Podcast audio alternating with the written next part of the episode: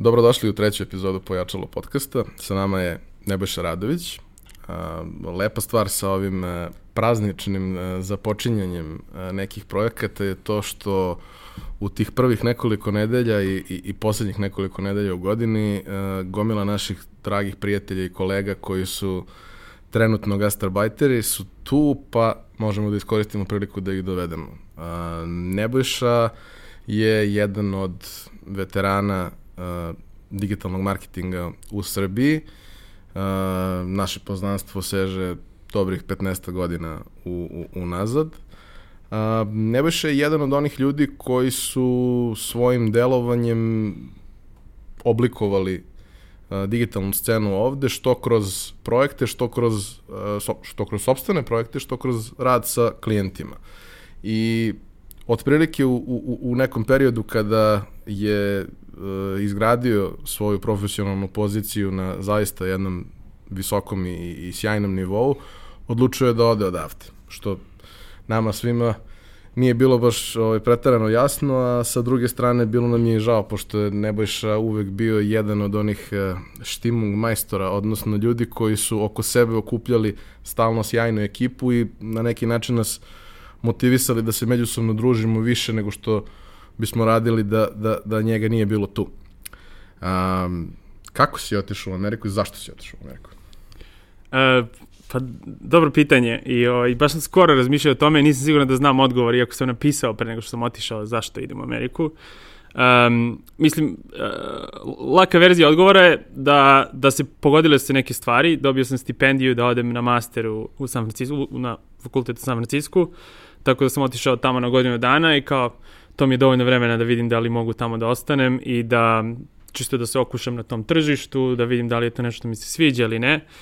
I, ovaj, i desilo se to da sam ostao, ono, počeo sam da radim tamo i sad sam već šest i po godina u San Francisco. Um, zašto sam otišao u Ameriku? Pa to je taj deo koji je kompleksan. U principu, Um, osjećao sam posle neke godine ili dve gomile nekih projekata koje smo radili, neke od njih i zajedno, da, da se stvari baš ne pomeraju i da na neki način se ja vrtim u krug da radim s nekim poznatim ljudima ili radim sa nekim ono, poznatim brendovima, ali se broj stvari koje radim ono, jednostavno ne pove... ili broj različitih stvari koje, na kojima sam hteo da radim nije baš povećavao. I, I drugi problem je što nikako nisam mogao baš da iskočim iz lokalnog tržišta i da radim nešto globalno. A to je u tom trenutku već bilo jasno da, da većina domaćih firmi koje su uspešne ili koje će postati uspešne su zbog, uspešne zbog toga što su aktivne na globalnom tržištu. I onda je jedini način za mene i za moju profesiju bio da odem odavde. A škola je bila najlakši način da se ode, jer dobijete papire, imate... Um, daju vam način da još godinu dana ostanete u zemlji, radite i to je bio jednostavno a, u tom trenutku najbolji izbor. Ovaj, iako je bio dosta sulud, a, gledano iz ove perspektive, ali eto, stvari se na kraju poklope i rešite sve probleme i, i gledate na to sa nekim ono, ovaj, a, lepim sećanjem. U suštini hoćeš da kažeš da si se malo možda umorio od pokušaja da ovde nešto promeniš. Kako je zapravo izgledalo to? Dakle, ti si bio jedan od onih ljudi koji su bili, nazovimo to tako, na pravo mesto u pravo vreme, kada su klasične marketinške agencije shvatile da treba da postoji nekakvo digitalno odeljenje. Uh, istovremeno klijenti, posebno veliki klijenti multinacionalke su negde sa, sa vertikale dobili ove, instrukcije da treba nešto i po tom pitanju da rade ovde. Niko o tome nije znao ništa. Ti si bio jedan od onih ljudi koji su jako puno pisali o tome, pričali o tome i negde si se je li nametnuo kao, kao logičan izbor za, za kontakt i za pokušaj nekakve saradnje. Kako je to zapravo izgledalo? Pa, dobro pitanje. Mislim da je sve, poč mislim, sve je počelo zapravo kad smo bili klinci. Rekao si već ono da se znamo. Mislim da se mi znamo zapravo 18 ili 19 godina, što je potpuno strašno. Ovaj, ali mi smo radili neke stvari kao deca koje su sa, iz ovog aspekta zapravo bile digitalni marketing. Ako se sećaš, ne znam, Burek, Žurka, koju sve te sajtove koje smo mi držali kao, kao deca u to vreme. Mi smo radili neke razmene banera, pokušavali smo da povećamo broj korisnika i to je nekako bilo onako klinački, što se kaže, ali na neki način to su početci toga što bi što se kasnije ono zo, i danas što se zove digitalni marketing i ono što mi radimo samo na nekom mnogo višem nivou.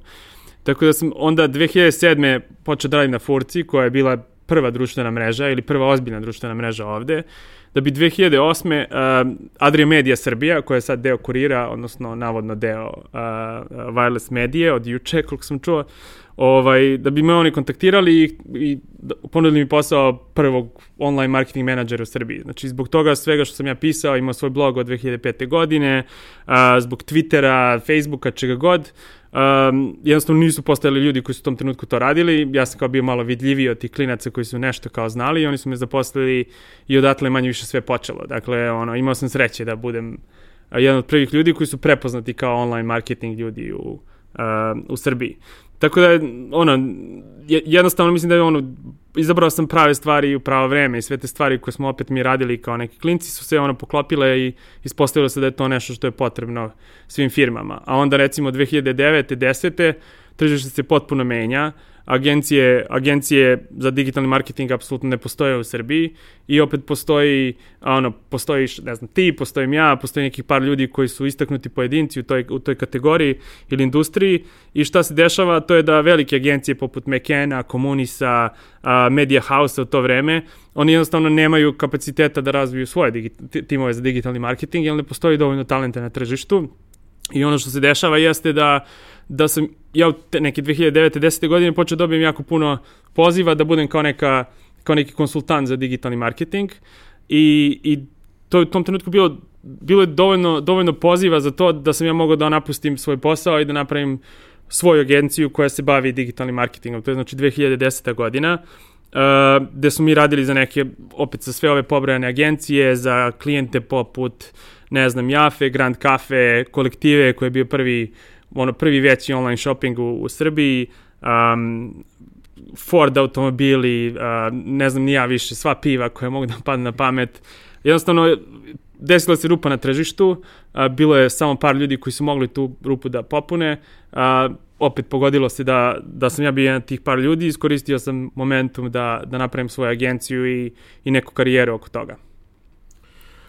Kako je zapravo izgledao taj moment kad, ok, ti si postigao neke rezultate uh, lokalno, mogao si toga pristojno da živiš, sve to ide u nekom ok smeru, uh, uzimaš da radiš sa, sa Željkom projekat koji je onako prilično zahtevan, kompleksan, podrazumeva rad sa gomilom nekih tržišta, pokušaj da se podigne svest o tome što, što on pokušava da uradi.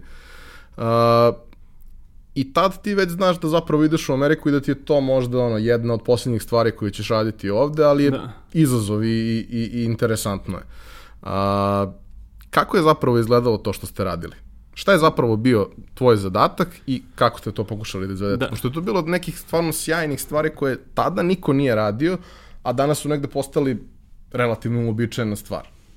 Da, uh, Pa, zanimljivo, možda, možda bih ispričao još jednu priču kako je došlo do te saradnje. Znači, to je neka 2011. Recimo, 2011. je Twitter postao baš popularan u Srbiji i opet, opet momentum i činjenica smo mi bili prvi tamo je doveo do toga da je došlo gomila poznatih ljudi na Twitter i kao, e, ko su ovi ljudi, zašto su, zašto su debeli? ovaj, šalim se. Ali ko su ovi ljudi kao, ono, zašto su oni poznati ili zašto ih ljudi prate.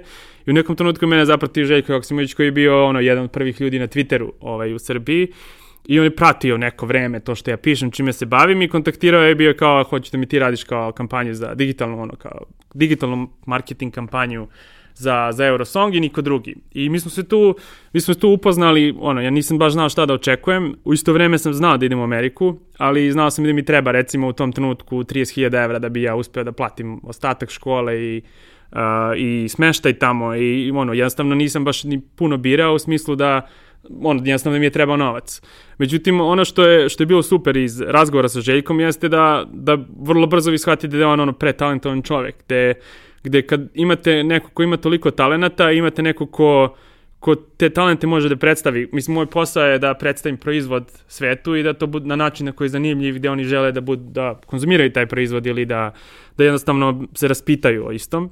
Ovaj, I vrlo mi, vrlo mi je brzo bilo jasno da, da od toga što on radi, način na koji on radi, može se napraviti nešto što je potpuno neverovatno. I on je bio skroz otvoren za sve predloge koje sam mu ja davao i jednostavno se poklopilo to da, da sve stvari koje sam ja želeo da radim, sam mogao da uradim sa njim, da je on kao kao poznata osoba ima društveni kapital, ono što mi zove, oni već u tom trenutku ima stotine hiljada ljudi na svim društvenim kanalima, da je to, da ako ima, ima, radite sa nekim koji ima jako puno followera, ljudi koji ga prate, da ako znate da napravite strategiju koja će, da ono, koja će to na neki način, kao što se ova emisija zove pojačalo, gde će to da bukne i da se pojača i da ode ono 10-20 puta više nego što je trenutni broj ljudi koji ga prati, onda jednostavno ono, treba budete malo i ono ludi da ne prihvatite to, jer jednostavno takve prilike se ne, ne, ne propuštaju.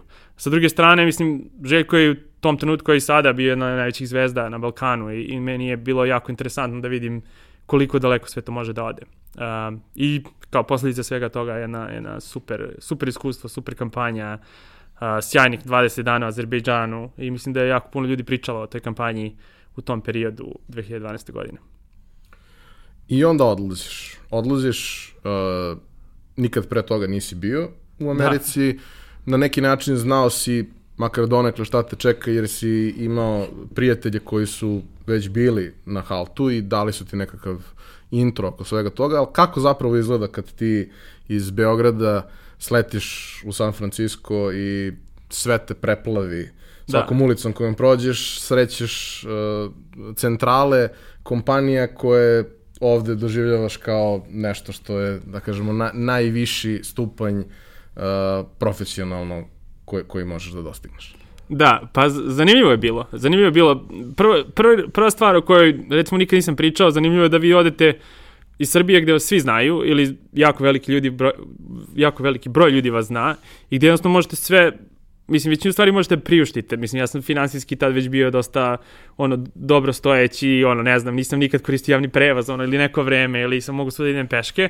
I onda odlazim u Ameriku da ja jednostavno više nemam para. I jako, ja sam prvih tri nedelje sve pare potrošio koje sam imao, jer vi odete u drugi sistem gde ono, da uđete u stan morate da ostavite depozit koji je veličine, ne znam, dve kirije, morate da ostavite kiriju, morate kupite nameštaj, um, onda škola organizuje neki put u vinarije ili tako nešto.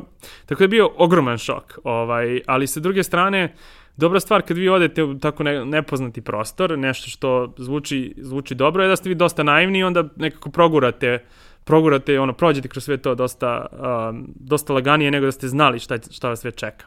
Um, ono, ono što je, jednostavno ja sam otišao tamo sa puno entuzijazma, kao, kao što si rekao, tamo su Twitter, Google, Facebook, sve te velike firme, tako da u tom trenutku ja sam ono živeo te, ono, tehnologije i sanjao sam da imam svoju tehnološku kompaniju i, i svašta nešto vezano za to i onda odete na burger recimo i vidite Shona Parkera koji je ono jedan investitora u, u Facebook i bio je chief operating officer Facebooka, vidite CEO-a Twittera ono na kafi pored vas i onda jednostavno ono sve te stvari kojima sam ja jako puno čitao i maštao su počele da se dešavaju oko mene i meni, jednostavno imao sam jako puno entuzijazma i nijednog trenutka nisam razmišljao, razmišljao o tome da odustanem. Tako da me to dosta poguralo i bilo je, bilo je, ovaj, bilo je jako izazovno, ali opet jako zanimljivo i, i zbog toga sam i dalje tu. Um, međutim, postoji puno problema kad vi odete što jednostavno baš ti se jednostavno navikneš da ovde ti ljudi znaju i da na neki način prepoznaju to što ti radiš i odlaziš odjednom na neko novo tržište da te niko ne zna, gde imaš neko ime, ne bojiš, mislim, koje niko ne može da izgovori, gde niko neće da priča sa tobom, ja si student, i ovaj, počinje ta neka borba ono, sa koja, koju nije lako dobiti, gde vi morate ponovo da se izgradite i morate tu svoju suetu da šutnete onako po tepih i da krenete od nule, da se, ovaj, da se izgrađujete kao profesionalac, što je zanimljivo, ali opet eh, nije lako. Kako je uopšte izgledao uh, halt, uh, odnosno uh, učenje u tom nekom sistemu? Ti si ovde završio FON da. i FON uh, spada jeli, u fakultete koji su relativno uh, aktuelni po pitanju onoga šta se uči i uh, vrlo uh, kvalitetni po pitanju kadra, dakle prilično dobar intro u, u, u poslovni svet si mogao da dobiješ kroz fakultet, ali sada ideš u neki potpuno drugačiji sistem. Gde, ok, to je jedna od najboljih poslovnih škola na svetu i tu su i profesori i tvoje kolege, neki ljudi koji će, koji su oblikovali ili će oblikovati ono, landscape raznih industrija, između ostalog i one u kojoj si ti. Da. Pa, mislim, razlika je stvarno nebo i zemlja. I to ne zato što je kao fon loš fakultet, naprotiv. Razlika je zapravo u načinu na koji se studira. Uh, koji, I tu ima neke dve, kao dve različite kategorije. Jedna je da su uh, kako se zove, regularne studije, znači ne postdiplomske, one, su, one se dosta baziraju na učenju samom. Da vi učite da abstrahujete informacije, da se fokusirate samo na stvari koje su bitne, da učite stvari koje možda i ne trebaju, ovaj, ali jednostavno učite da učite. A sa druge strane, poslovne škole se mnogo više fokusiraju na neki networking, na razvoj takozvanih soft skillsa, znači da umete da, da imate mogućnost ono, prezentovanja, da znate kako da prodate klijentu određene usluge a, i HALT kao mislim, već nekoliko godina za redom je škola sa naj, najmeđunarodnijim uh, karakterom, iako to malo nakradno zvuči. Jednostavno, kod mene, u, kod mene u mom odeljenju je bilo ljudi iz, recimo, 35 zemalja, u mojoj generaciji je bilo uh, ljudi iz 105 zemalja, znači puno se fokusa daje na učenju kako da radite, kako da radite sa ljudima iz drugih zemalja. Uh, I to je jednostavno nešto što škole ovde nemaju, a što je jako bitno i to je, to je jedno od najvećih saznanja koje sam ja dobio u toj prvoj godini na Halto, a to je da vi kad radite sa kinezima, recimo imate potpuno drugačiji način komunikacije a, u odnosu na ljude koji su, na ljude u Americi, koji su opet mnogo bližni nama. A, ljudi iz Evrope su potpuno slični ljudima iz Srbije, slične navike, isto kukaju. A, znači jednostavno, jednostavno shvatite da postoje određeni neki aršini ponašanja u svakoj ovaj, socijalnoj grupi koje vi morate da razumete da biste uspeli da radite sa tim um, sa tim grupama. Tako da sad ja ako hoću da odem u Kinu da, da otvorim firmu, mnogo bi bilo lakše nego da sam to radio iz Srbije, jer jednostavno kulturološke razlike su dosta velike.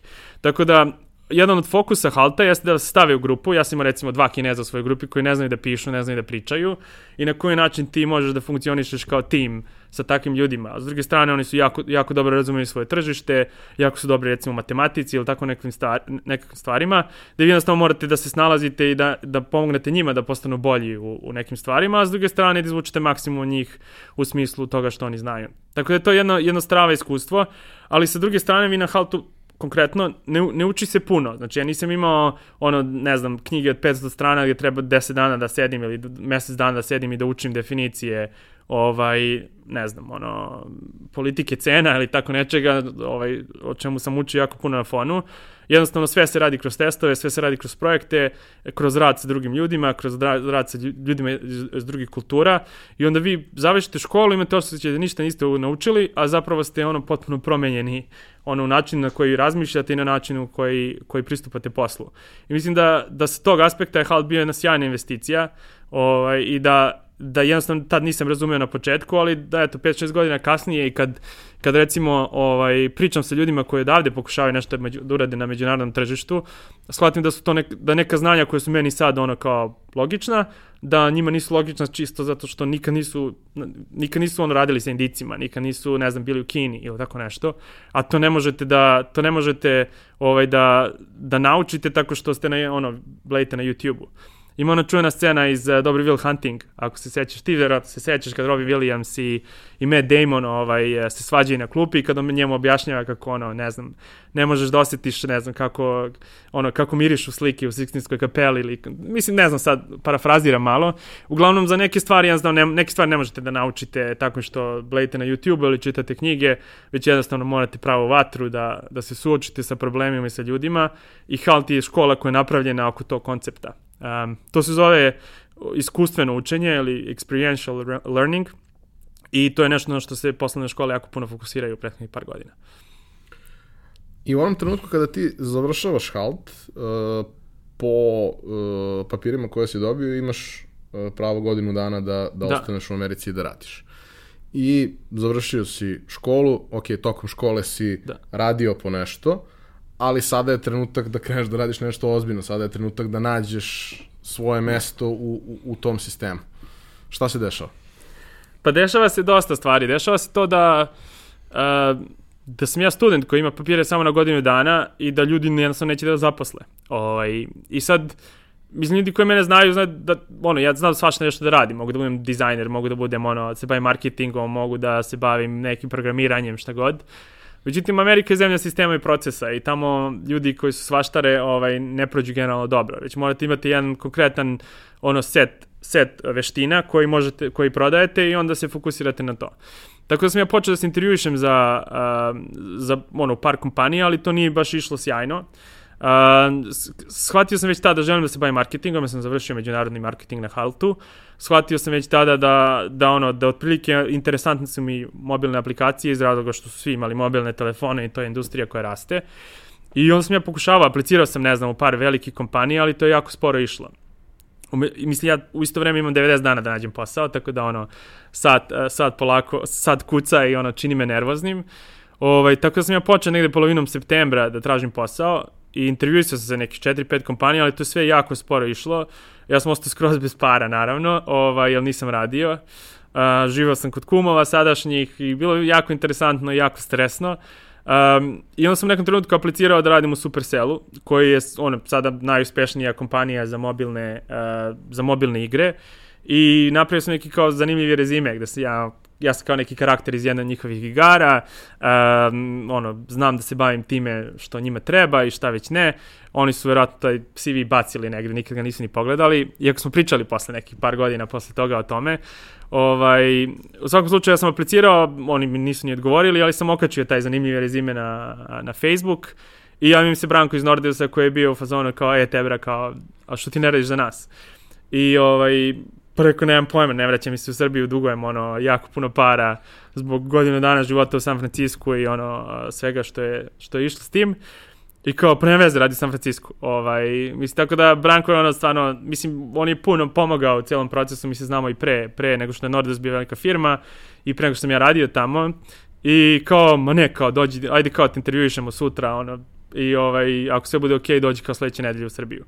Um, I mislim, intervjuisali su me, ono, ja sam bio, ne znam, u Los Angelesu taj vikend sa nekim drugarima, intervjuisali su me, sve je prošlo super, uh, kupili su mi kartu, to je recimo neki 14. oktobar, kupili su mi kartu, ja sam već 19. bio u Srbiji, potpisao ugovor i uh, postao sam predstavnik Nordus Americi um, uh, te godine. Što je bilo stvarno, stvarno super i, i um, na neki način, ono, mislim, otišao sam u školu u Americi, da, počeo sam da radim u srpskoj firmi, nekim ljudima to možda nema smisla, ali sa druge strane, ja sam posle tih godina dana stvarno bio bolji profesional, bolji sam bio u tome što radim, ja sam malo bio, imao šire, šire, šire ovaj, razumevanje tržišta i, i sa druge strane nisam bio tolika svaštara, znao sam šta hoću da radim i kako hoću da radim. Tako da je došao do taj posao Nordeusu koji, koji mi je, ono, bez koga ne bi bio danas tu da jesam i sjajno jedno iskustvo, sjajni ljudi i ono, taj uspeh koji su oni postigli nije se desio bez razloga, oni jednostavno su jako pametni i, i jako su dobri u tome što rade. A, oni su vrlo često kada pričamo ovde, jer je nekakav ideal a, kome mnogo, mnoge firme ovde teže, a to je da osim toga što jeli, imaš sjajne plate i sve što ustoji, da imaš zapravo svoj proizvod koji je ozbiljan igrač na globalnom tržištu. Ok, ima nekoliko firmi ovde koje imaju nešto tako, ali oni su najozbiljniji i to što su oni postigli je zaista, zaista fantastično. E sad, kako izgleda, posebno za tebe koji si faktički većinu vremena uh, 10.000 km daleko, da. a, kako izgleda rad u, u jednoj takvoj relativno maloj firmi koja pravi rezultat na, na, na globalnom nivou? Pa izgleda, mislim, ono što je meni bilo prva, prva ovaj, neka impresija Nordeusa jeste da, da način, i kasnije kad sam otišao iz Nordeusa, neke firme koje su mnogo veće od Nordeusa i više novca prave, jeste bila da način na koji oni rade stvari, stvari je je vrlo aktualni. Rade na isti način kao što to radi Facebook ili neke velike firme. Meni je to bilo jako impresivno.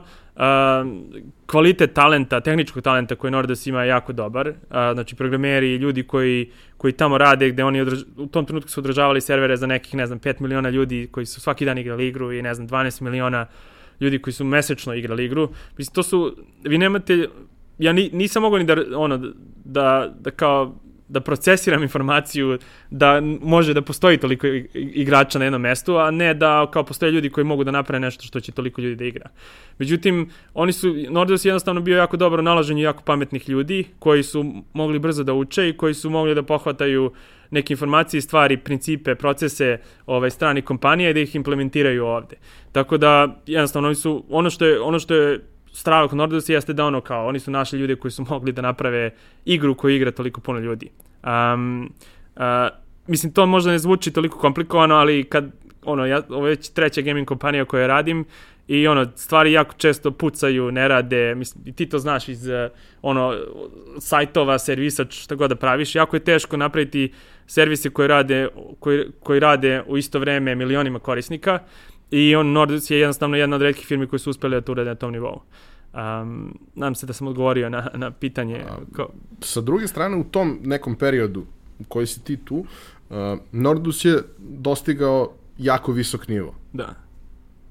I onda se neko vreme ništa krupno nije dešavalo. Sad kao, to je trenutak kad ideš na ono, level up ili se na neki način uh, menja, unapređuje to što se dešava, a opet na toj skali, na toj količini da. korisnika je to nezamislivo komplikovano. Uh, kako takva stvar s, uh, uh, može da se uopšte uradi u, u, u jednom sistemu? Da znači, se izbaci drugi proizvod pa i da se izbaci drugi proizvod, da se izbaci unapređena verzija ovog proizvoda i da se nekako i jedno i drugo iskoordiniše, a opet nemaš preogroman broj ljudi koji, koji rade na tome. Imaš zapravo vrlo ograničen broj ljudi, fantastičnih ljudi, ali i dalje mali broj njih koji, koji mogu da rade na tome. Pa jako je teško. E, gotovo je nemoguće zapravo. E, i mislim da je to razlog zašto, zašto i treba toliko vremena da se izbaci druga igra koja je velika. E, teško je iz razloga što nema puno ljudi na svetu koji se time bave. Znači, ovo mi, čime se ja bavim, ne znam, mobilni marketing, gde, su, gde vi trošite, ne znam, milione dolara mesečno, tu ima možda 100 ljudi na svetu koji se time bave na tom nivou. Tako isto i u tome što oni rade. Znači, oni da bi sad napravili pet igara kao što je Top 11, oni trebaju pet puta ne znam, 20 ljudi koji su, koji su jako iskusni i znaju kako da naprave takve igre ti ljudi treba da prihvate da dođu u Srbiju da rade, treba da imaju jako puno iskustva, e, Nordus treba da ima novca da plati te ljude, tako da nije, to nije baš tako lako. Um, mislim da u industriji zabave ako nevezano za gaming, da industriji zabave generalno postoji taj sindrom drugog albuma, mislim da je gomila ima, imaš gomilu bendova koji nikad nisu uspeli da naprave uspešan drugi album ili uspešnu drugu pesmu, takozvani one hit wonders. Tako da je to vrlo vrlo često, ono i neke strategije neke strategije da napravite drugi proizvod su u principu da uzmete na, recimo oni su mogli napraviti Top 11 2 gde na reskinuju samo naprave novu verziju iste igre um, što je bila recimo strategija Machine Zona, druge firme u kojoj sam ja bio. Uh, ili možete da kopirate neke igre sa drugih tržišta, recimo sa, Azi, on, sa azij, azijskog tržišta koje je dosta napredno u tom smislu. Tako da nije, jasno nije lako napraviti novi proizvod. Uh, iz svih ovih razloga nije lako na, naći nešto što radi, što radi u tom trenutku, nije lako naći ljude koji to mogu da urade. I na kraju dana treba da pogodite pravi tajming da, da kad izbacite taj proizvod zapravo je to nešto što tržište želi. I mislim da je to, to je glavni zastoj, uh, glavna kao prepreka i njima i većini gaming kompanija, pa uključujući i kompaniju u kojoj sam sad, uh, gde jednostavno traje 3, 4, 5 godina da izbacite novi proizvod. A jedan takođe vrlo uh, neobičan aspekt uh, Nordeusovog poslovanja mm -hmm. je moment da uh, ti praviš igru koja je planetarno popularna, koju igraju milioni igrača, da ali koje je zapravo Amerika kao ubedljivo najveće i najbogatije tržište nije fokus, jer Amerikanci ne igraju futbol i ne razumeju futbol. Ok, Amerika je veoma heterogena, postoji gomila naroda i sa, sa neke druge strane postoji prosto gomila ljudi i sasvim je dovoljno da neke nacije koje to prate pokupe to da to bude uspešno. Ali ako ti nije fokus Amerika, šta ti je fokus, na koji način uopšte uh, možeš da razviješ nešto do tog nivoa, uh, koja su druga tržišta i koje su neke najbazičnije karakteristike drugih tržišta kojima možeš da se okreneš. Da, pa iskreno mislim da je, da je donekle i prednost to što futbal nije veliki, jako popularan u Americi. Iz razloga što, što nije, nije lako da se takmičite sa američkim firmama. Ako, da je, da je futbal, kao soccer futbal, bio fokus američkih firmi, uh, Šta bi se desilo jeste da neka firma koja ima 100 milijardi dolara bi napravila istu igru i jednostavno bi izbacila sve konkurente iz te industrije. Ovako zbog toga što taj, taj, taj sport nije toliko popularan, jednostavno nije u fokusu bio, ovaj, uh, nije bio u fokusu američke kompanije, na neki način dozvolio i da, da Nordus i Top 11 budu toliko, toliko uspešni. Um, ostatak, Amerika ima samo 350 miliona ljudi. Ono što je istina jeste su to platežno najsposobniji ljudi na svetu, da ima najveći broj ljudi koji imaju kartice, pametne telefone i sve ostalo. Međutim, to je i dalje samo 350 miliona ljudi. Brazil ima, ne znam nija koliko, ima preko 100 miliona ljudi, verovatno. Kina ima preko milijarda ljudi, Indija ima preko milijarda ljudi. Znači, tržište van Amerike apsolutno postoji. A, jedino, jedino je način na koji prodajete proizvode u drugim tržištima a, a, drugačiji. I postoje igre koje su i proizvodi koji su zbog toga što se fokusiraju na druga tržišta, drugačije se monetizuju ili na drugi način prave novac.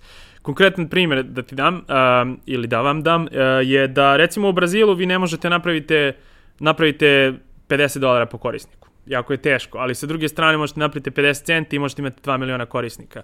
Dok u Americi možete napraviti 50 dolara, ali imate, ne znam, 30.000 korisnika.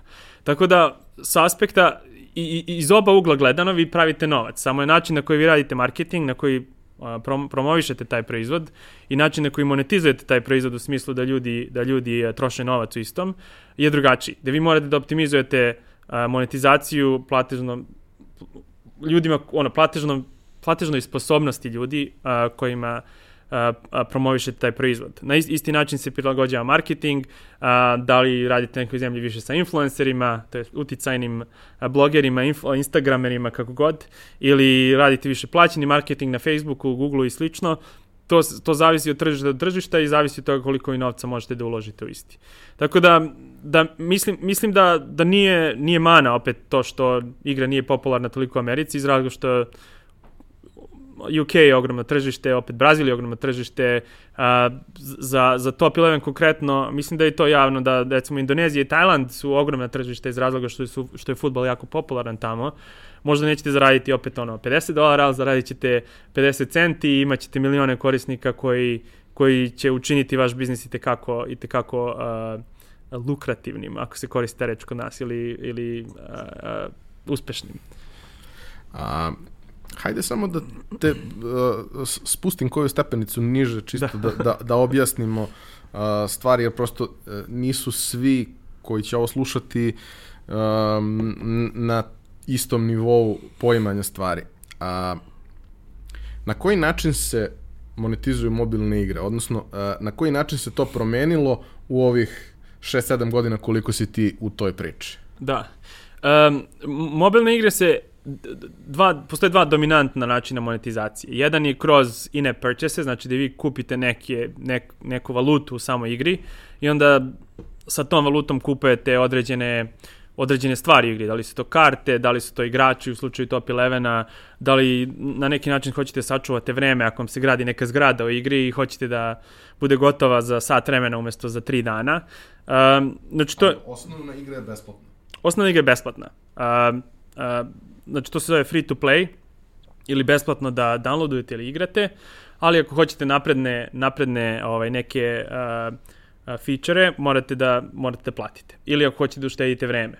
Um, drugi način monetizacije je kroz oglašavanje, na isti način na koji se kod nas većina sajtova, većina nekih ono online, uh, online kao medija monetizuje, gde vi jednostavno imate oglašivače koji plaćaju da budu prisutni u vašem proizvodu. Um, opet, zavisno od toga kakav je proizvod, neke igre se više monetizuju kroz oglase, neke se više monetizuju kroz plaćanje u samoj igri. Um, jer to... A vrlo često su oba modela prisutna. Apsolutno, da. Zato što iz, oba modela su prisutna iz razloga što neki ljudi ne žele da troše novac u igri. Uh, znači, to je klasičan freemium model koji postoji u svim ostalim industrijama, uh, gde vi jednostavno imate korisnike koji hoće da plate za više nekih ono, usluga i gde imate korisnike koji jednostavno dolaze i neće da potroše ništa, ali možete da ih da izvučete neki novac od njih kroz, kroz oglašavanje. E, na primjer, ako hoćete da dobijete, ne znam, besplatno, opet nekog besplatnog igrača u igri, vi možete pogledati oglas od 30 sekundi i, i e, kompanija koja pravi tu igru dobije 1 cent od tog pregleda. A, a vi dobijete nešto u okviru igre. Da, tako je. Međutim, u igrama koje imaju milione korisnika, a, te kompanije optimizuju da vi vidite što više oglasa, tako da vi, recimo ja igram neku igru koja se zove Merge Planes, koja je jako prosta igra, gde ja dnevno pogledam 5 ili 10 oglasa, tako da oni naprave 10 centi dnevno od mene što gledam te oglase, puta 30 dana, to je, to je 3 dolara, Mislim, ja opet nisam prosječan korisnik te igre, ali jednostavno postoji način da vi izvučete neki novac od tih ljudi. A, to mogu biti deca koji nemaju kartice, to mogu biti korisnici u zemljama gde kartice nisu toliko rasprostranjene ili ne postoji iTunes, kao što je na primjer Srbija. Tako da postoje različiti načini monetizovanja i oni su obično a, specifični a, a, za tržište na kom, se, na kom je vaš proizvod a, prisutan. A, današnji giganti u uh, gamingu su se dominantno okrenuli mobilnim igrama, dobrim delom i iz razloga što za razliku od toga kako je to jeli, bilo prethodnih 30 godina gde ti platiš igru, ona te košta neku značajnu količinu novca, ali se tu otprilike svaka dalja priča završava, odnosno novac se daje jednom, kompanija prihoduje jednom i tu ta igra može da se igra beskonačno. Uh, sada ti zapravo imaš mogućnost uh, otprilike slično na način na koji je Apple postavio stvari sa, sa iPhone-om, da. da konstantno prihoduješ od igrača pod uslovom da je njemu to jeli, interesantno, da on i dalje to želi da igra, ali da imaš mogućnost da taj neki uh, uh, period uh, u kome ubiraš novac od svog igrača bude gotovo beskonačan. Tako je, da. Uh, mislim, to zavisi od, od mehanika u igri, da li ti u igri samo imaš imaš dovoljno sadržaja da može da igraš beskonačno, ali ako imate načine da zadržite igrače u, u igri, onda možete beskonačno da ih monetizujete. Uh, najuspešnije mobilne igre imaju korisnike koji troše milione dolara u istim igrama. To su javne informacije, možete nađete na VentureBeatu ili bilo kom, bilo kom uh, sajtu koji piše o mobilnim igrama, da jednostavno ljub, imate ljude koji imaju novca, dođu, nemaju vremena i ne žele, ono, jako su kompetitivni, uh, nemaju vremena da se sad tu bave nekim dosadnim, ovaj, uh, dosadnim takozvanim grindovanjem, da ono, traže da traže neke ovaj, uh, besplatne načine da dobiju te iste karte samo dođu i potroše jako puno jako puno novca. Um, imate ono, princeve iz, prinčeve iz uh, Saudijske Arabije, uh, gomilu nekih uspešnih preduzetnika, sportista koji su potrošili ogromne sume novca u igrama. Uh, igre se danas prave da imaju dubinu takozvanu, gde vi jednostavno možete potrošiti beskonačno novca, tako što kupujete neke ra raznorazne stvari u samoj igri. Uh, to, je, to je tačno da to nije bio uh, to nije bila situacija ili to nije bio slučaj u, u konzolnoj industriji, gde vi jednostavno kupite igru, ne znam, FIFA 19, platite 30 dolara i to je to. Međutim, i oni se okreću ka nekoj kombinaciji, e, kombinaciji tog plati da dobiješ disk i free to play, gde vi jednostavno možete kupiti neke dodatne, dodatne ovaj, uh, mogućnosti u igri tako što platite uh, i posle kupovine igre. A uh, poseban uh, aspekt uh, cele stvari je da na neki način mora da se igra na više frontova istovremeno, odnosno da moraš da pokušaš da stvar učiniš i održiš dovoljno masovnom, dovoljno popularnom. Sa druge strane, da, jeli, da bi došao do toga, ona mora da bude dovoljno interesantna i, i, i onima koji neće trošiti uopšte novac ili će ga trošiti vrlo malo, uh, a da napraviš i dobar odnos uh, toga šta, šta dobije korisnik uh, koji, koji kreće da, da investira, a da ostane opet jeli, i nešto iza onoga ko, ko uh, ne želi, ko hoće da investira samo svoje vreme, ne želi da investira svoj novac. Da. Pa to, to je jako kompleksno. Mislim, da, vratili smo, pričao sam malo pre o tome kako je teško naći ljudi koji to znaju da rade. Um, mislim, kod mene u trenutnoj firmi koja se zove Network, znači ljudi koji to rade imaju više godišnje iskustvo u tome i to je to je kombinacija određenih veština koje ne, jednostavno ne možete da nađete. To su ljudi koji su matematičari i on napravili su pet igara pre toga i razumeju a, marketing i psihologiju i svašta nešto u isto vreme. Ja, jako, jako je kompleksno a, napraviti proizvod koji isto vreme zadovoljava ogromne količine korisnika kojima je super da potroše pare i, bit, i srećni su da potroše pare u igri i u isto vreme da, da korisnici koji ne žele da potroše pare ili jednostavno ne mogu, jer su možda mlađi igrači ili nemaju način ili nemaju kartice, ovaj, ne napusti igru zbog toga što nisu dovoljno kompetitivni i ne mogu da potroše isto novce kao neki drugi igrači. Um, u industriji igara postoji koncept koji se zove pay to win, Znači, to su igre koje jednostavno omogućavaju ljudima koji imaju novac da budu mnogo bolji od ostalih. I to je jedan, jedan, način, jedan od sigurnih načina da vaša igra da vaša igra ono nestane sa tržišta ili umre, jer jednostavno ako, ako korisnici koji nemaju novca nisu dovoljno e, zainteresovani za igru, igra nije dovoljno kompetitivna, a, ljudi se ne takmiče, automatski ako nema takmičenja ljudi ono ne žele da troše toliko novca, ovaj, i onda i vaš proizvod a, nesta, je, nije održiv ono, ili nije dugoročno održiv. A, jedna od a, lepih stvari u, u poslu kojom se baviš a, je to što si imao prilike da sarađuješ sa ljudima koji su jeli, nešto što je stuff dreams are made of. Da. A, dok si bio u Nordeusu, snimao si reklamu sa Mourinhom. Da. Kad si bio u Machine Zone, radio si sa Schwarzeneggerom. Da. A, kako izgleda to iskustvo? Sa Schwarzeneggerom nisam direktno radio, da, to je radila agencija, mi smo samo bili deo tima koji je radio zakup medija za, za, za oglašavanje, ali smo upoznali Schwarzeneggera, dolazi u naše kancelarije, održaje govor, jako interesantan čovjek, vrlo inspirativan, um, došao i hteo da se slika sa 700 ljudi i to je uradio zapravo za sat vremena gde on bukvalno se šutira ovako kao na kao u špaliru, što se kaže ovde. Um, tako, vrlo jedan interesantan, čo je veliki profesionalac. Ja sam se iznenadio koliko je on naučio igri. On je igrao samo igru. O, on je nas predstavljao na Super Bowlu gde je pričao o igri. Smo imali dve Super Bowl reklame za redom. Što isto je jedan sjajna stvar, sjajno iskustvo. Um, uh, jednostavno sjajno, ono, nemam, stvarno nemam, nemam ništa loše da kažem o tom, uh, o, o tom iskustvu. Sa Mourinhom je bilo vrlo interesantno, vrlo stresno, uh, ali on je jedan jako fin čovek koji je, koji je ono, u principu kad prođete sve te neke slojeve, ono, slojeve ili ljude koji njega brane, otprilike od novinara i svih ostalih, shvatite da on je veliki profesionalac koji, ono, koji jednostavno želi da radi zanimljive stvari i da se upozna sa zanimljivim ljudima. Um, super je bilo iskustvo, recimo to je prva, prva reklama na tom nivou koji sam ja radio. Znači, to je reklama koja je koštala puno, uh, koju je radila produkcijska kompanija iz Londona, ovaj, i gomila zanimljivih priča, jer mi smo snimili, imali smo samo 45 minuta snima reklamu, što je bilo potpuno suludo, ali mislim, ja sam imao taj opet naivni, naivni pristup životu. Ovaj, I kao mi smo snimili reklamu, super ispala, onda smo imali 5 minuta snimao voice over, ovaj, snimali smo voice over, reklama je bila ona izeditovana, napravljena i oni su nam poslali reklamu i ja sam onako jako ponosan posle ono ogromne količine stresa, Mourinho je kasnije dva sata, um, onda, onda smo dobili neku sobu koja je imala pet kvadrata, snimamo reklamu, pa smo isterali Robija Williamsa, pevača, sa terase hotela, ovaj, um, u, kom, u kom su nam dali sobu da bismo dobili tu terasu, da bismo snimili reklamu. Inače, to sam vidio i Sema Aladrajsa, koga, koga, ovaj, uh, za kog ti dobro znaš. Um, i, I snimili smo reklamu, puštamo reklamu na All Hands sastanku ispred, celo, ispred cele kompanije i ljudi se okreće ovako, gledaju jedni druge i kao, ne znam šta šta je ono problem, neko, na, na, šta, smo, šta smo pogrešili i ovaj, ispostavlja se da, da niko ne razume šta Mourinho priča. Jer jednostavno ima onaj, uh, ima jako, jako jak portugalski akcenat i čovjek ne zna ovaj uh, čovjek ne zna o čemu o, o čemu se priča. Ono ljudi ne znaju o čemu on priča o reklami. I onda smo go, me možemo stavimo titlove, razumeći ljudi ovo, ono, međutim, to jednostavno nije bilo rešenje. I onda smo mi morali opet da nahvatamo Mourinja, da snimamo voice over po drugi put, gde on razgovetnije, polako izgovara te iste reči. A razlog zašto ja to nisam čuo, jer, jer sam ja radio na, na kopiju, na samom tekstu iz te reklame, ja sam znao na pamet tekst, ja nisam mogao da, da ne čujem na pravilan način.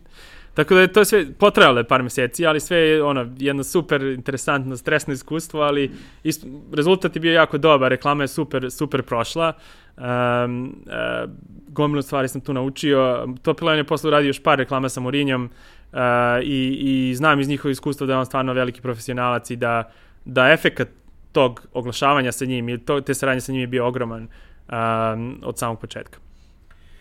Uh, jedna od stvari po kojoj si ti bio jeli, poznati i pre nego što si otišao, ja sam to negdje i pomenuo na početku, je to da si nas ti terao da se družimo, čak i ako mi možda nismo previše bili druželjubivi.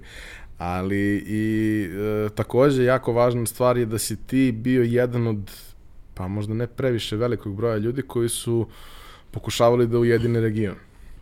I zahvaljujući tebi mi smo krenuli da se družimo sa kolegama iz Hrvatske, Slovenije, danas smo prijatelji, mnogo toga radimo zajedno.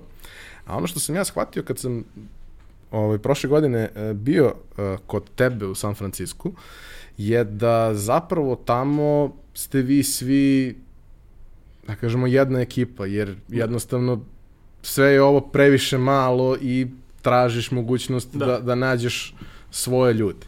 I da zapravo tamo i po velikim kompanijama ima jako puno naših ljudi koji su, koji su fantastični, ali i da ima nekih, uh, mislim, znamo to, je li prethodnih 7, 8, 10 godina toga već ima, naročito jer je kolega iz Slovenije i Hrvatske, ima nekih kompanija koje su odavde potekle, uspele da naprave tamo neki rezultat, prisutni su tamo, rastu, uh, uzimaju investicije i, i, i sve što uz to jeli, ide, razvijaju se i idu dalje.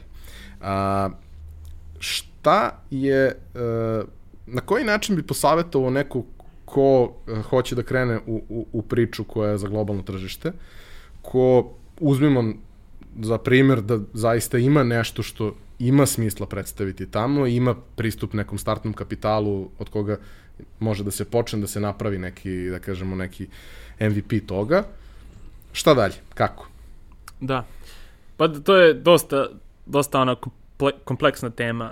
Um, uh, mislim da, mislim da je, ima, ima tu par grešaka koje se obično prave, koje se obično prave kada pravite globalnu kompaniju. Um, dosta, dosta nekih firmi koje sam ja video odavde, koje sam, ono, kojima sam pokušao da pomognem ili pomogao, bi napravili proizvod koji je, koji je recimo vrlo fokusira neke lokalne probleme. A, ne znam, ovde se svi bave sportom i svi idu u kladionicu i onda svi hoće napraviti neki servis koji je neko klađenje ili nešto. A, u Americi se ljudi jednostavno ne klade toliko ili se ne klade na takav način, gde se više vole, ne znam, fantasy igre ili tako dalje. Tako da, da, da kada, kada prave neki prvi savjet bio kada prave neki proizvod, da se raspitaju koja tržišta imaju taj problem, da ne polaze nužno od rešenja, već da pođu od problema, pa onda naprave rešenje za taj problem. I da se konsultuju sa ljudima uh, koji su na neki način ono involvirani u toj industriji. Um, ljudi, ljudi koji tamo žive su otvoreni da pomognu, međutim problem sa kompanijama koji dolaze u San Francisco, a meni godišnje dođe, ti to znaš, bio si, meni dođe minimum 100 ljudi u San Francisco, mislim, ja, ja ni na kraju pameti mi nije bilo da toliko ljudi zapravo dolazi. Međutim, kako svi rade u IT-u, tamo je gomila, gomila velikih firmi i svi svi koji rade u IT-u dolaze u San Francisco, na neki način, Srbija je mala zemlja, svi se, svi se znamo, ovaj, vidi, vidite neke paterne, a to je da ljudi dođu i postavljaju pitanja tipa, hej, a, ajmi nađi investitora. Mislim, ja ne mogu da nađem investitora, zašto investitori se kategorišu isto tako uh, kao što se mi kategorišemo po profesijama koje radimo, industrijama. Znači, postoje investitori za gaming, postoje investitori za uh, SaaS kompanije, postoje investitori za cloud kompanije i tako dalje. Tako da, jednostavno, takav tip pomoći ne možete da pružite, ali recimo, ako, ako vam treba neko ko, ako pravite SaaS kompaniju, software za service kompaniju i treba vam neko ko radi u sličnoj kompaniji u San Francisco, ti ljudi će vrlo verovatno biti otvoreni da vam pomognu, da vam daju neki savet, tehnički savet, da vas povežu s nekim ljudima oko, koji mo, bi mogli da vam pomognu da rešite neki problem oko, ne znam, skaliranja proizvoda ili čega god. Um, tako da, mislim, mislim da ljudi obično pitaju za stvari, moraju da se raspitaju šta, mo, šta mogu ljudi da im pomognu, znači, obično novac ne mogu da dobiju, ali mogu da dobiju neke vrlo, vrlo dobre kontakte. Druga stvar, dru, druga stvar koja, koja je recimo u Americi ono kao što oni kažu red flag jeste da dosta ljudi ovde pravi neke kompanije dok ima posao sa strane ovaj, i to ljudi tamo ne vole znači jednostavno ako pravite nešto za globalno tržište onda se posvetite tome 100% i, i ono, jednostavno izgledajte ozbiljno kada, kada predstavljate tu ideju nekome um, šta još um, ne bih, ne bih se odmah bacao recimo na plaćeno oglašavanje. Kod nas isto to ljudi odmah kao ajmo Facebook oglase da dovedemo ljude, dok, dok ne razumete dve stvari. Jedna je kako se monetizuje vaš servis, e, znači na koji način pravite novac, i dva, ko su korisnici vašeg servisa, znači ko su ljudi koji koriste to što pravite. Tako da do, dosta, dosta često, ne znam, lokalne firme preskaču te neke gorake i odmah krenu da troše pare ili rade neke ono growth strategije, growth hacking, šta god, a ne razumeju ni, ni šta je zapravo proizvod što radi. Tako da jednostavno ne treba tu previše komplikovati. Napravite proizvod, probajte na neke besplatne načine, koristite Quoru, Twitter, neke strukovne, strukovne community ili zajednice da, da probate da promovišete taj proizvod, dobijete neki, neku povratnu informaciju od tih ljudi šta je to što oni, njima treba, koji je to problem koji, koji zapravo rešavate i onda krenite odatle umesto da da napravite, ne znam, ono, Facebook za pse i da, da krenete trošite 1000 dolara na marketing i onda niko tu nešto ne radi, niš, nikom ništa nije jasno o čemu se radi i onda godinu dana kasnije vi ste potrošili pare i, i niste imali sreće da napravite nešto. Mislim da, da je recimo sreća jedna od, od sreća je jako bitna, ali dosta, dosta ljudi zapravo ne zna ovaj, da uradi stvari na način na koji treba da budu urađene i onda krive sreću ili, ili tajming za, za neuspeh.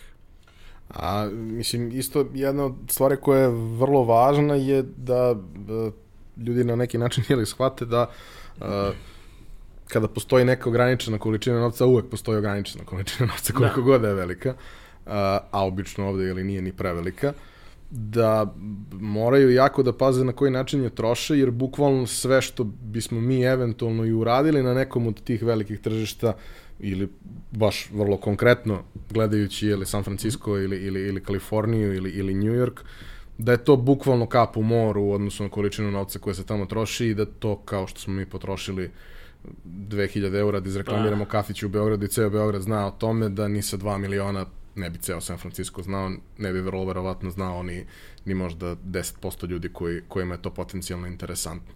Da. Pa da, recimo, vratit ćemo se na primjer Nordeusa i, i zašto je možda dobro što futbal nije toliko popularan u Americi. Znači, jedan od mojih zadataka bio je da ono, da popularizujem top 11 u Americi. To uopšte nije bilo lako iz razloga što, što futbal nije jednostavno toliko popularan sport, a dva što igre poput Top 11, futbol, u Evropi postoji snažna kultura futbol menadžer igara i onda igra poput Top 11 nije baš jasna ljudima koji nisu odrasli igrajući to, uh, futbol menadžer igre. Uh, da se vratim na temu, dakle, može to na neki način ono sreće u nesreći što nije futbal popularan u Americi zato što američke kompanije imaju pristup kapitalu koji je koji je ne znam da li je neviđen prava, iz, pravi izraz za to, ali jednostavno vi ne možete, imate, imaju pristup kapitalu koji nijedna kompanija u Evropi nema. Ili velik, veoma mali broj kompaniji u, u Evropi ima. U smislu da, recimo, ako vi napravite igru koja je jako uspešna, znači kompanija Americi to može isto da napravi za jako kratko vreme i da potroši 100 miliona dolara na oglašavanje i da se jednostavno zbriše sa, sa tržišta. Um, da, da ću vam primjer, iako, iako možda nije fair zato što je kompanija jako uspešna i skoro su izbacili redizajn, recimo Active Collab. Znači Active Collab je sjajan proizvod koji, koji, uh, koji se pravi u Novom Sadu, postoji već sigurno 10 godina, uh, ima stotine, hiljade klijenata i oni, oni su jako dobri u tome što rade. Međutim, onda imate ne znam, Joela Spolskog koji izbaci Trello, imate uh, Dustina Moskovica koji izbaci Asanu. To su ljudi koji imaju užasno mnogo novca i imaju užasno mnogo uh, veliki društveni kapital, njih svi developeri znaju.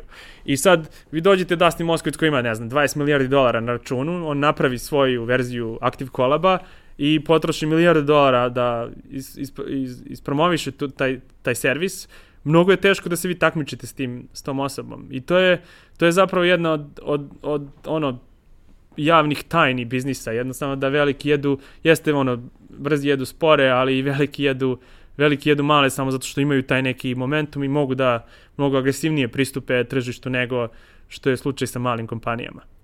Um, ti možeš da ideš pametnije u nešto, ali ne možeš da budeš 100 puta pametniji. Pa jeste, da. Da.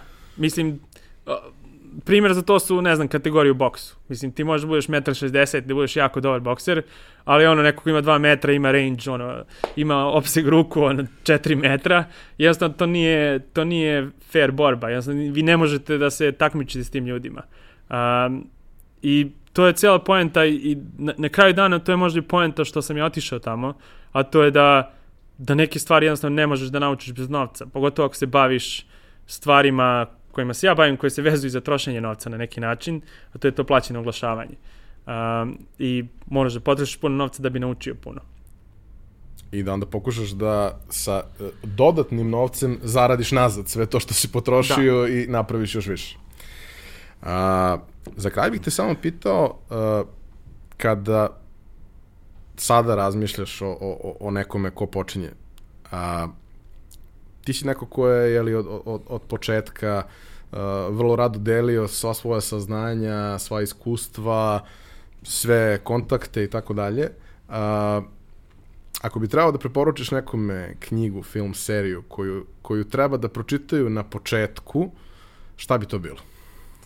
Oh, uh, pa ne znam da sad imamo odmah. Um, Ili neko koga da prate, to je isto opcija. Da, Pa mi, mislim, moj generalno savjet je da, mislim, kad iz ove perspektive gledajući, mislim kad si mlad, da ti vreme ne vredi ništa i da treba da se fokusiraš jednostavno što više na to da daš što više zajednici i da, da nek, na neki način naučiš što više kroz to, kroz taj neki rad, kroz zajednicu i da budeš nesebičan, pomogneš, radiš sa ljudima na zanimljivim projektima i ne fokusiraš se na novac. Um, mislim, neke dobre, on, ne, neke dobre knjige, recimo Lean Startup je poznata, ako hoćete se baviti time čime se ja bavim, ne znam, nekim metrikama vezane za startupe, kako da pravite tehnološke kompanije, Lean Startup je čuvena knjiga u tome, ali ne znam da li je najbolja prva knjiga da pročitate, uh, pročitate za, ako, se, ako želite se baviti tehnologijom.